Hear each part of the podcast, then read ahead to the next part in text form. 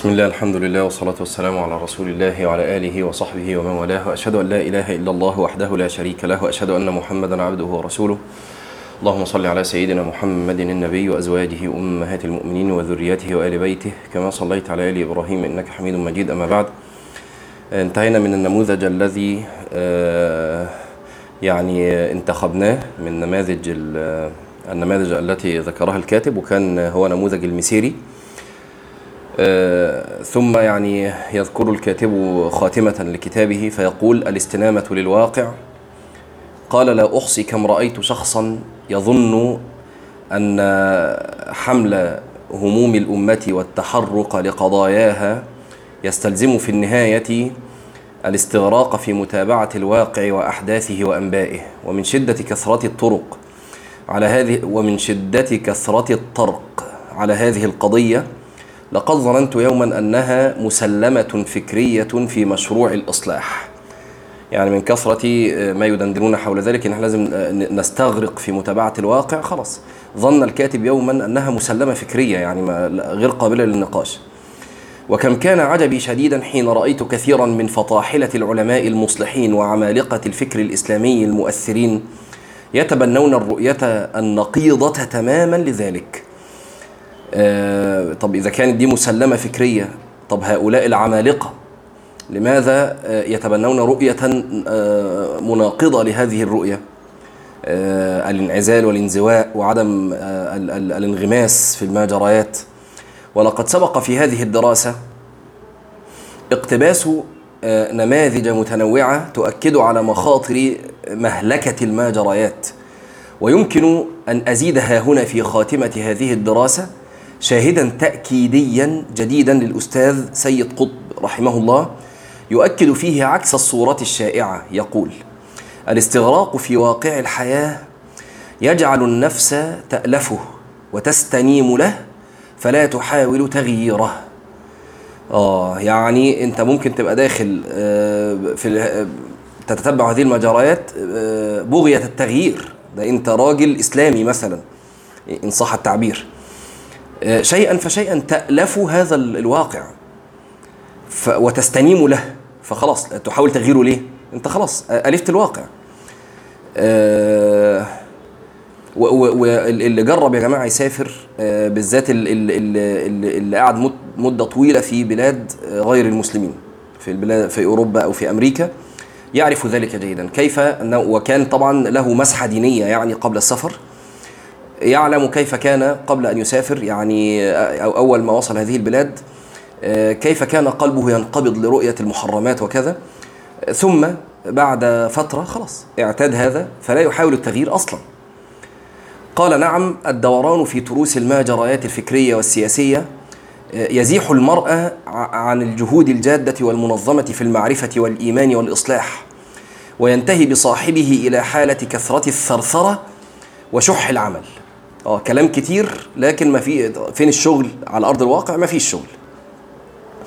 ويخلق, ويخلق الوعي المزيف بأن يتوهم المرء أنه في في كبد مشروعات الإصلاح وهو واضع ذقنه على كفه فوق أريكة المشاهدين لا غير. قال فكرة الصوم عن الأخبار. سبق أن نقلنا عن المسيري أسلوبه في الانفصال المؤقت والعزلات النسبية عن الأخبار. فهل هذا أسلوب شاذ في الإنتاج العلمي والعملي؟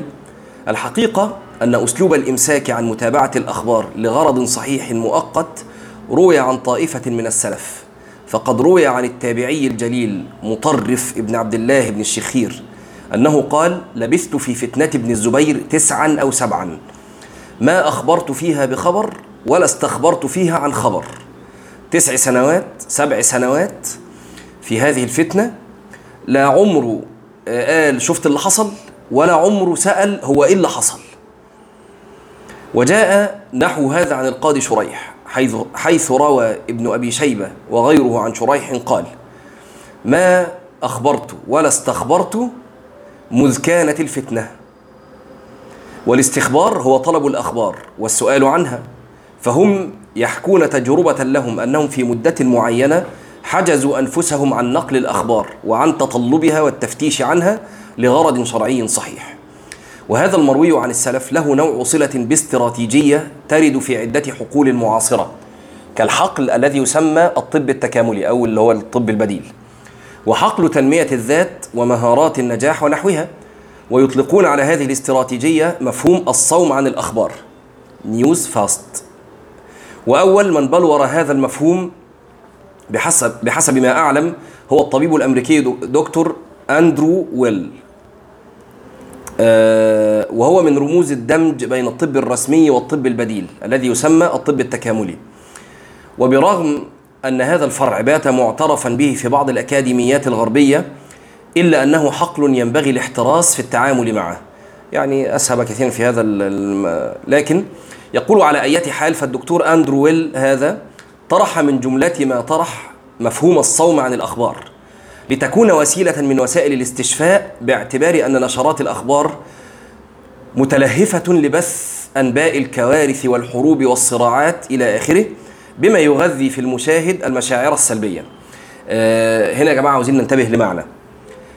عموما السوشيال ميديا أو الأخبار مش هتهتم بالأخبار العادية. هي إما هتهتم بالأخبار ال ال ال الكارثية أو الأخبار يعني البالغة في ال في ال في الانبهار حدا يسمح بتداولها. واضح؟ إنما الأخبار العادية مش هتجيبها.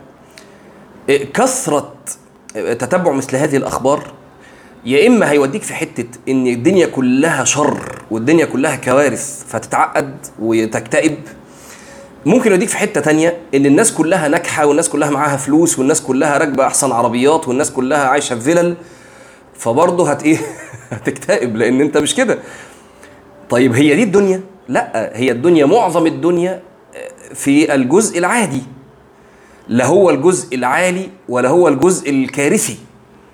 لكن الأخبار في في العادة ما بتجيبش غير يدا يدا وكنت مرة بكلم واحد من آه، عاوز يشتري سيارة فهو عشان يشتري سيارة عمل فكر كده قال ندخل على هو لما خلاص لقى مثلا إيه استقر على سيارة معينة قال ادخل بقى على ال group بتاعها على الواتساب قبل ما اشتريها أشوف الحوار اللي داير بين الناس. فقفل من السيارة لما دخل ال group. قلت له ده طبيعي. ليه؟ لأني لو ال group ده فيه 10000 واحد مثلا فهتلاقي اللي بيكتب دايما بيسأل عن مشكلة. يعني مفيش حق الطبيعي إن لو واحد العربية ماشية معاه كويسة مش هيدخل كل يوم يقول لي العربية كويسة. مش هيعمل كده. إنما الجروب ده معمول ليه؟ علشان واحد آه، تيل الفرامل مش عارف حصل فيه إيه. يا جماعة أجيب منين؟ آه، الفانوس اللمبة اتحرقت. يا جماعة أشتريها منين؟ فهو دخل ظن إن العربية كلها عيوب وكلها مشاكل. واضحة دي؟ لا هو هو المشكلة فين؟ إن أنت اللي ما فهمتش ان إن اللي بيعرض أو اللي بيتكلم أو اللي بيبتدي يحكي آه، هم اللي عندهم المشاكل. واضح؟ آه، فهو بالظبط يعني دي إيه يعني صورة مصغرة للي بتعمله ال social media أو بيعملوا الإعلام. خلاص؟ تفتح انت أنت دخلت اشتركت في آه، صفحات ناس مشهورة ناس غنية ناس فكل يوم هينزلوا إيه؟ ما هم هينزلوا هم بيفطروا إيه؟ وبيتغدوا إيه؟ وسافروا فين؟ وراكبين إيه؟ واشتروا إيه النهارده؟ و... مع تكرار هذا انت هتظن ان العالم اللي حواليك كله كده. فهتحقر نعمة الله عز وجل عليك. أو العكس بقى. وهذا كما ترى مدخل مختلف عما نحن فيه. اللي هو فكرة إن إحنا نصوم عن الأخبار علشان ما يعني نتجنب المشاعر السلبية. لا هو ده مش أهدافنا. لكني رأيت عرض آه، موجز عنه باعتبار اشتراكه مع موضوعنا في أصل فكرة الامتناع المؤقت عن الإخبار والاستخبار التي ذكرها التابعيان الجليلان آه، مطرف ابن عبد الله ابن الشخير والقاضي شريح. ثم فكرة الانفصال المؤقت, المؤقت والعزلة النسبية التي ذكرها المسيري من المعاصرين وأنه استعان بها في الانكباب على التأليف. ثم ذكر امتيازات الفتوة العلمية. الحقيقة أن كل ما يذكر في تحليل مخاطر الاستغراق في المجريات فإنه لا شيء بالنسبة للشباب في المرحلة في المرحلة الذهبية للتحصيل العلمي. فهذه المرحلة لا عديل لها يعني كأنه بيقول كل الأخطار اللي إحنا بنقولها دي حكوم وفكرة إنك إنك تضيع زهره شبابك على فيسبوك ولا على واتساب ولا على تليجرام ولا على انستجرام ولا على يوتيوب ولا على تيك توك ولا إنك تضيع زهرة شبابك بعنفوان الشباب بالفتوة العلمية بقوة الحافظة وقوة الذاكرة و... أنت كده بتخسر كتير. قال فهذه المرحلة لا عديل لها فلها خصائص وامتيازات لا تسبح في النهر مرتين. ومن خصائص هذه المرحلة أن الذاكرة العلمية في أسعد لحظات فتوتها حتى أن الإمام فقيه الكوفة علقمة النخعي وهو أخص تلاميذ ابن مسعود به روى أبو زرعة الدمش الدمشقي في تاريخه عنه أنه قال ما حفظت وأنا شاب فكأني أنظر إليه في قرطاس يعني كأنه كبر خلاص وأعجوز بيقول اللي أنا حفظته وأنا شاب كأنه الآن قدام عينيا مكتوب في ورقة ليه؟ لأن الذاكرة في مرحلة الشباب ذاكرة قوية فشوف إحنا بنضيعها في إيه؟ ومن خصائص هذه المرحلة الذهبية للتحصيل العلمي أنها لا تنيخ ركابها طويلا يعني سريعة الانقضاء. الشباب يذهب سريعا يا جماعة. وإنما تنصلت بين يدي المرء كأنما تسابق الظل. وقد كان أحمد الوراق المعروف بالإتاخي ممن روى عن إمام أهل السنة والجماعة الإمام الجبل أحمد, أحمد بن حنبل رحمه الله. وقد ذكره الخلال ونقل عنه أنه روى عن الإمام أحمد وصفا بديعا لسرعة تقضي مرحلة الشباب. حيث يقول الخلال. آه عن الإتاخي قال كان عنده عن أحمد مسائل. منها قال سمعت أحمد بن حنبل يقول ما شبهت الشباب إلا بشيء كان في كمي فسقط. حاجة كانت في جيبه وقعت. فيعني كأنه سريع الإيه الانقضاء مرحلة الشباب دي. وكم من إنسان يعيش مرحلة الشباب معصوب العينين عن النظر إلى الموعد, القريب لإقلاع هذه المرحلة. وما زال ينفق ساعات هذه المرحلة النفيسة في الفضول والتفرج. وما أقرب أن يتفاجأ أن شيئا في كمه سقط. الغيرة على الزمن. وقد جاءت نصوص كثيرة. وقد جاءت نصوص كثيرة في خلق الغيرة. ومن أعظم مراتبها الغيرة على الحرمات والغيرة على الدين كما في الصحيحين من حديث أبي هريرة أن النبي صلى الله عليه وسلم قال إن الله يغار وإن المؤمن يغار وغيرة الله أن يأتي المؤمن ما, حر ما حرم عليه. وفي الصحيحين أيضا من حديث ابن مسعود أن النبي صلى الله عليه وسلم قال ما من أحد أغير من الله من أجل ذلك حرم الفواحش. وغيرهما. وقد استفاض أهل العلم في شرح معنى الغيرة على الحرمات والغيرة على الدين وعددوا من فروعها واستحضروها في مواضع كثيرة. ولكن من ألطف ما رأيته من استجلاء تطبيقات الغيرة ما ذكره القوم من أهل السلوك من معنى الغيرة على الزمن والغيرة على الوقت. وقد تحدث شمس الدين ابن القيم على معنى الغيرة على الزمن في عدد من كتبه فوضع مبحثا في كتابه الفوائد في أنواع في أنواع الغيرة وذكر منها وكذلك يغار على أوقاته أن يذهب منها وقت في غير رضا محبوبه. مين محبوبك؟ الله سبحانه وتعالى. فتغار على الوقت أن يمر لحظة من غير ما ترضي في هذه اللحظة محبوبك سبحانه وتعالى. وطبعا إحنا هنعرف كمان شوية إن العمر بيقاس بالأنفاس. وشرح ابن القيم باب الغيرة في منازل أبي إسماعيل وقال الوقت أعز شيء عليه. يغار عليه. ومع ومع الاحتراس أن الغيرة في اصطلاحات القوم وقع فيها اشتراك معروف أفضل معان محدثة من جهة وإلى التباس الفهم بأغراضهم من جهة أخرى وليس هذا موضع وليس هذا موضع عرضه. قال الزمن كأنفاس. يعبر الناس عن الزمن بوحدات كثيرة كالأيام والساعات والدقائق. يعني لو جيت قلت لك الزمن بنقيسه بإيه؟ هتقول والله الزمن بنقيسه بالأيام بالشهور بالسنين بالساعات بالدقائق بالثواني. قال ومن ألطف تلك الألقاب ما روي عن التعبير ما روي من التعبير عن الزمن بالأنفاس. كما قال أبو القاسم اللالكائي في التنويه بأئمة أهل السنة قال وأنفاسهم على الأوقات محفوظة. وهذا التعبير عن الوقت بالأنفاس نافق في مدونات السلوك يعني كثير.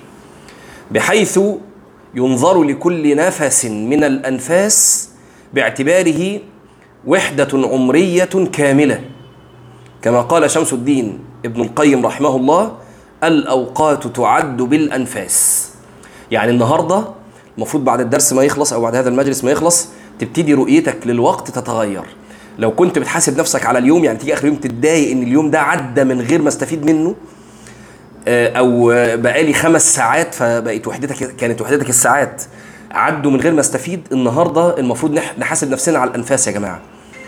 كم نفس آه، عدى من غير ما أستفيد من هذا النفس؟ قال وهذا النظر إلى الزمن كأنفاس يثمر للمرء كمال اليقظة بألا يضيع نفس بألا يضيع نفس في غير ذخر كما قال أبو حامد الغزالي رحمه الله فإن كل نفس من أنفاس العمر جوهرة نفيسة لا عوض لها. والمرء أمام هذه الجواهر في سباق ورهان محموم على أن يسجل في كل نفس ذخرا يلقاه غدا. كما قال ابن الجوزي قال وكل نفس خزانة فاحذر أن يذهب نفس بغير شيء فترى في القيامة خزانة فارغة فتندم. فتخيل إذا وجدت خزائن ملأى بما يغضب يغضب الله عز وجل. ده هنا ابن الجوزي بيتكلم في حتة تانية. بيقول إن كل نفس خزانة. فاحذر أن يذهب نفس بغير شيء. يعني قضيته في, في, الهوى. فتخيل إنك قضيته في المعصية. اقعد كده تذكر معصية عملتها وشوف خدت منك كم نفس. ما. ما تقولش بقى خدت كم دقيقة وكم ساعة. لا. المعصية الفلانية دي استغرقت كم نفس من أنفاس حياتك. آه. قال وطبعا قبل كل ذلك كتاب الله عز وجل. قال سبحانه وتعالى إنما نعد لهم عدة. قيل في تأويلها آه، تعد لهم الأنفاس. عمرك يقاس بالنفس. يعني أنت مكتوب لك مثلا مليون نفس في الدنيا. عند النفس المليون هتخرج روحك. مفيش مش هتاخد ال- المليون وواحد مش هتاخد النفس ده خلاص. وإذا استحضر المرء هذا المعنى ونظر إلى العمر باعتباره أنفاسا اجتاحه الإحساس الفعلي بتسارع انسكاب العمر. كما قال ابن الجوزي العمر أنفاس تسير بل تطير. والحق أن التمعن في العمر باعتباره أنفاسا ومشاهدة كل نفس من هذه الأنفاس يغادر بزفيره بين يديك ولا يعود وأنه ذهب مع ما سجل فيه من العمل مشهد لا تكاد تطيق النفوس رهبته وأثره على العزيمة. يعني أنت لو قعدت فعلا اديت هذا المشهد حقه من التأمل يا جماعة هتترعب. القياس إلى فضول العلم ومما يؤجج العزيمة للغيرة على الزمن.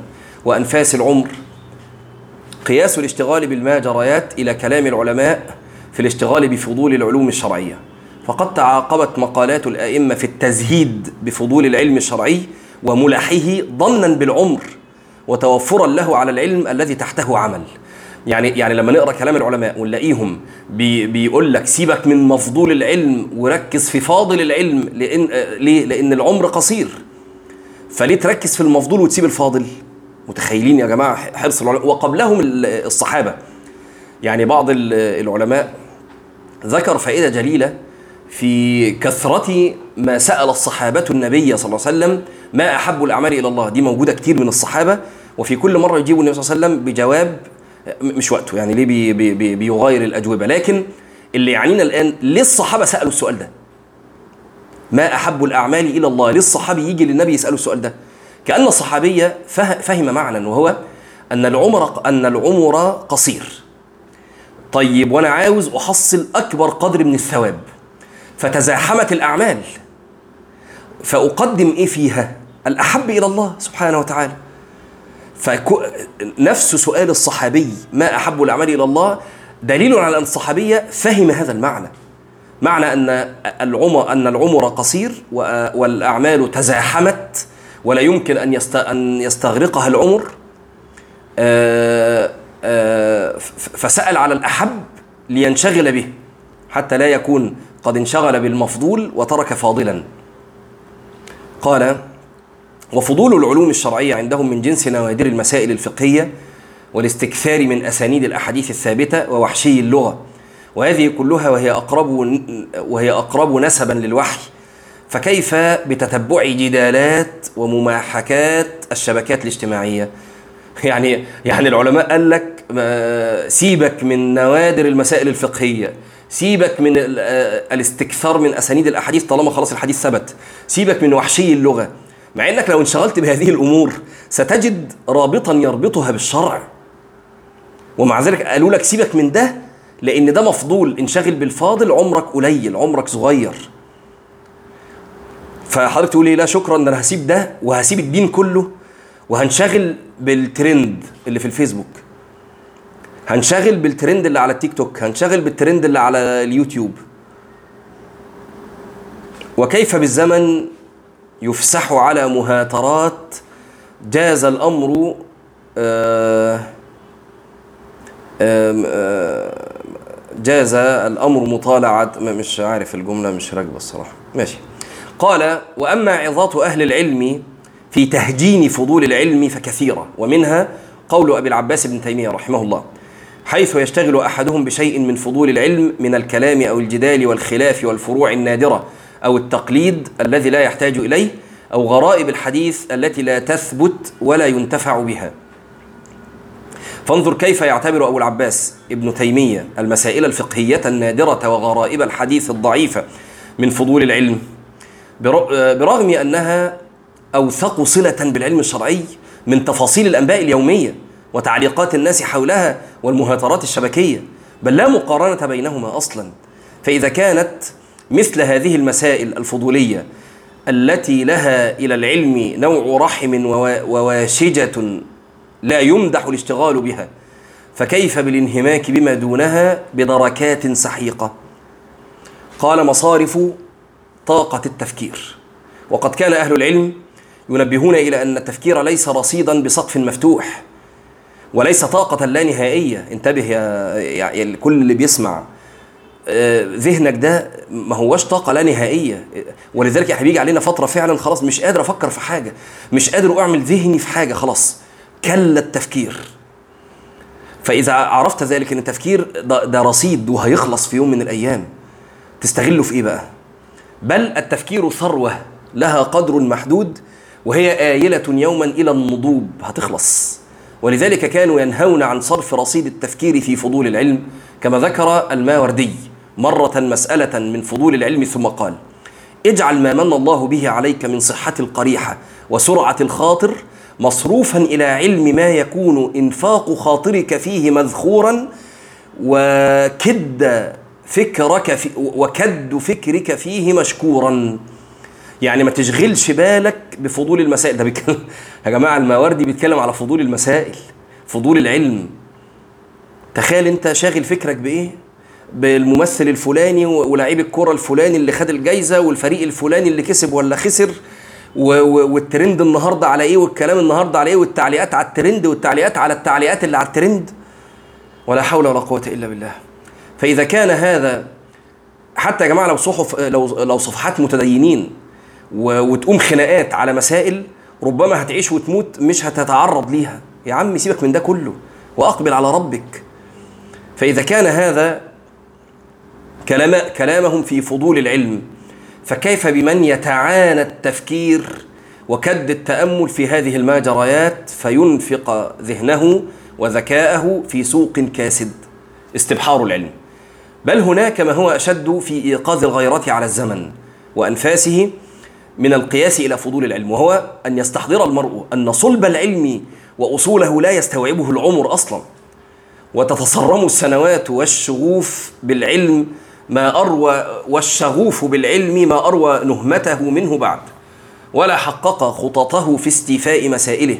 حتى بات القبول بالتخصص العلمي اليوم حقيقة فرضت نفسها بالقوة لا بالاختيار. يعني اللي يقول لك أنا شاطر في كل حاجة ده مستحيل. ما بقاش فيه العالم الموسوعة زي زمان. بسبب استبحار العلوم الجليلة وتفرعها وتشعبها.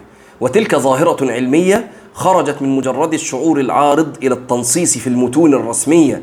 فأشار أهل العلم في نثرهم ونظمهم لهذه الظاهرة وحذروا الطالب من التشتت أمام سعة العلم وكلام وكلام العلماء في في نثرهم كثير. وأما ما ذكروه في النظم فقد ذكر هذا ابن معطي في ألفيته النحوية إذ يقول وبعد فالعلم جليل القدر وفي قليله نفاد العمر فابدأ بما هو الأهم فالأهم فالحازم البادئ فيما يستتم. فابن معطي ها هنا يذكرنا أن العمر ينفد في قليل العلم.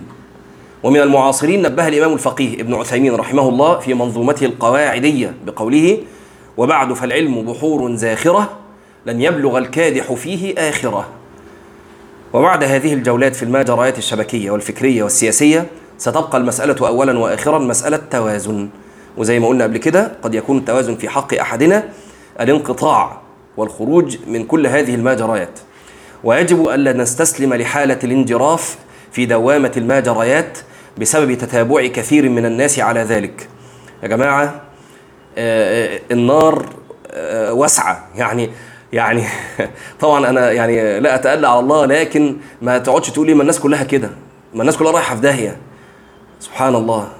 يعني وكأن مثلا النار الناس كلها راحت في داهية النار تستوعبهم. ويأتي على يوم القيامة النار تقول هل من مزيد. فيعني يعني هي إيه يعني نهمه على أن أن يلقى فيها غير ما غير, أهلها. فهي واسعة يعني مش هذا فانت ليه تكون في دول ويجب أن تكون هناك نقطة توقف تعاد فيها الحسابات بشكل دقيق. العمر يا جماعة بيمر. العمر بيجري. ولو بعد الكتاب إحنا خلاص آخر مرة في الكتاب ده النهارده. لو بعد كل اللي قريناه ده وأنت حضرت كل المجالس دي ولسه أحوالنا زي ما هي. طب إمتى هنفوق وإمتى هنرجع؟ وإمتى ربنا سبحانه وتعالى يرى منا خيرا؟ نتقرب إلى الله عز وجل شيئا ليتقرب هو منا سبحانه وتعالى. فبسبب هذا الغوص في الماجريات اليومية باتت أنفاس الزمان تغادر فارغة. خلونا النهارده يا جماعة تدريب عملي واحد. لو قفلت وفتحت بعد كده أي فيسبوك ولا فتحت أي حاجة خدت وقتك حاول بعد كده بعد ما تقفل قول يا ترى كم نفس راح. مش يا ترى كم ساعة راحت ولا كم دقيقة يا ترى كم نفس راح. قال وجمعية القلب على الله تتبعثر. ويعني يعني مش كم نفس راح بس لا ده أنا بعد ما الأنفاس اللي راحت دي طب قعدت بقى عاوز أقرأ في المصحف؟ مفيش همة. طب لقيت همة وفتحت المصحف مفيش قلب. أنت متخيل إحنا فين يعني طب وبعدين؟ قال وجمعية القلب على الله تتبعثر والكتب المشتراة على حالها منذ آماد. والكتب المشتراة على حالها منذ آماد. خلاص عليها التراب ومفيش حد بيقرا والإنتاج الإصلاحي قد تجمد ولا حول ولا قوة إلا بالله. حتى طلاب العلم يعني كثير انشغلوا في ترهات وسخافات وابتدوا يردوا على بعض وابتدى الناس تفقد الثقة فيهم. مما يعني ظهر من أحوالهم ولا حول ولا قوة إلا بالله. وآل الأمر إلى كثرة الكلام وقلة العمل. ولا شيء أكثر حزنا من أن يتوهم الماجرياتي كأمثالنا أنه في قلب عمليات التغيير وفقه الواقع وهو مجرد مراقب ومتفرج لا غير. ماشي آه كده إحنا انتهينا من الكتاب. الحمد لله رب العالمين. هناخد ده كام دقيقة كده في في التوهم واللي عنده سؤال يبتدي يكتبه دلوقتي. آه ونجاوب على أسئلة إن شاء الله. آه قال الحارث المحاسبي طبعا إحنا كنا بنتكلم على مسألة الملائكة جاءت لتأخذك في أرض المحشر لتقف بين يدي الله عز وجل فيحاسبك. فتوهم حين وقف حين وقفت بالاضطراب والارتعاد يرعد قلبك. وتوهم مباشرة أيديهم يعني الملائكة على عضديك وغلظ أكفهم حين أخذوك. فتوهم نفسك محثوثة في أيديهم وتوهم تخطيك الصفوف جميع الناس بقى في المحشر. طائر فؤادك متخلع قلبك فتوهم نفسك في أيديهم كذلك حتى انتهى بك إلى عرش الرحمن. فقذفوا بك من أيديهم. وناداك الله عز وجل بعظيم كلامه أدن مني يا ابن آدم. فغيبك في نوره. فوقفت بين يدي رب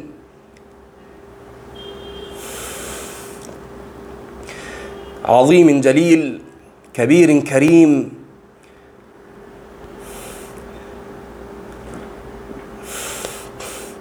بقلب خافق محزون وجل مرعوب وطرف خائف خاشع ذليل ولون متغير وجوارح مرتعده مضطربة.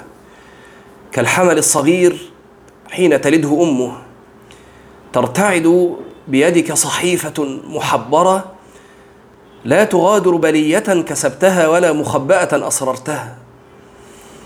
فقرأت ما فيها بلسان كليل وحجة داحضه وقلب منكسر. فكم لك من حظ وخجل وجبن من المولى الذي لم يزل إليك محسنا وعليك ساترا. فبأي لسان تجيبه حين يسألك عن قبيح فعلك وعظيم جرمك وبأي قدم تقف غدا بين يديه وبأي نظر تنظر إليه وبأي قلب تحتمل كلامه العظيم وبأي قلب تحتمل كلامه العظيم الجليل ومساءلته وتوبيخه. فتوهم نفسك بصغر جسمك وارتعاد جوارحك.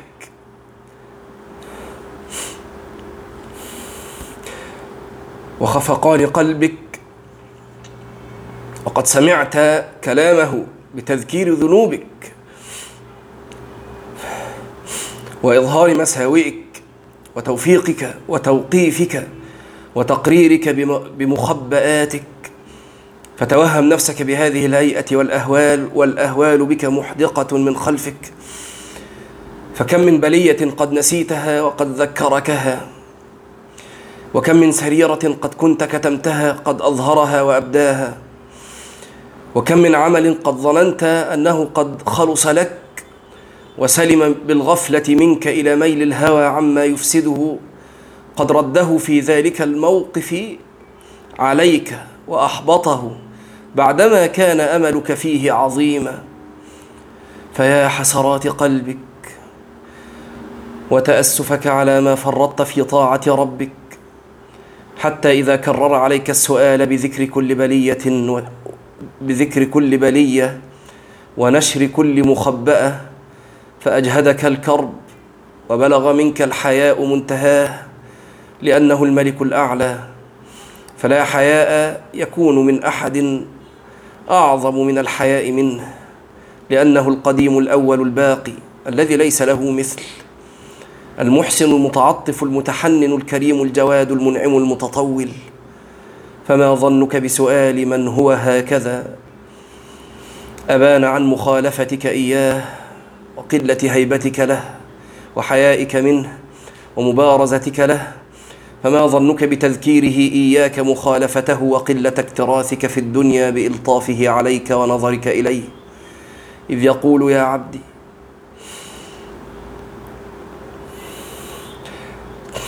أما أجللتني أما استحييت مني؟ أستخففت بنظري إليك؟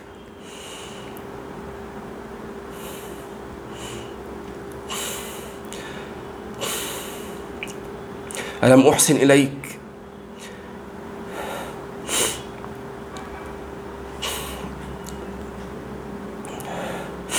ألم أنعم عليك؟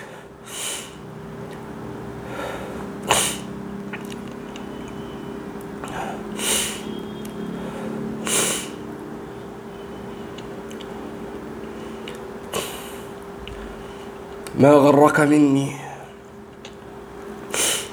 شبابك فيما أبليته وعمرك فيما أفنيته ومالك من أين اكتسبته وفيما أنفقته؟ وعملك ماذا عملت فيه؟ قال صلى الله عليه وسلم ما منكم من أحد إلا سيسائله.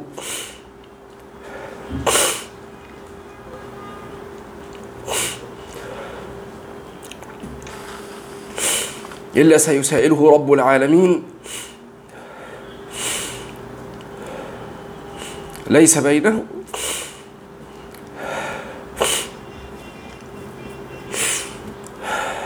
ليس بينه وبينه حجاب ولا ترجمان. قال سمعت علي بن حاتم قال شهدت رسول الله صلى الله عليه وسلم في حديث الله لا يقفن أحدكم بين يدي الله تبارك, تبارك وتعالى.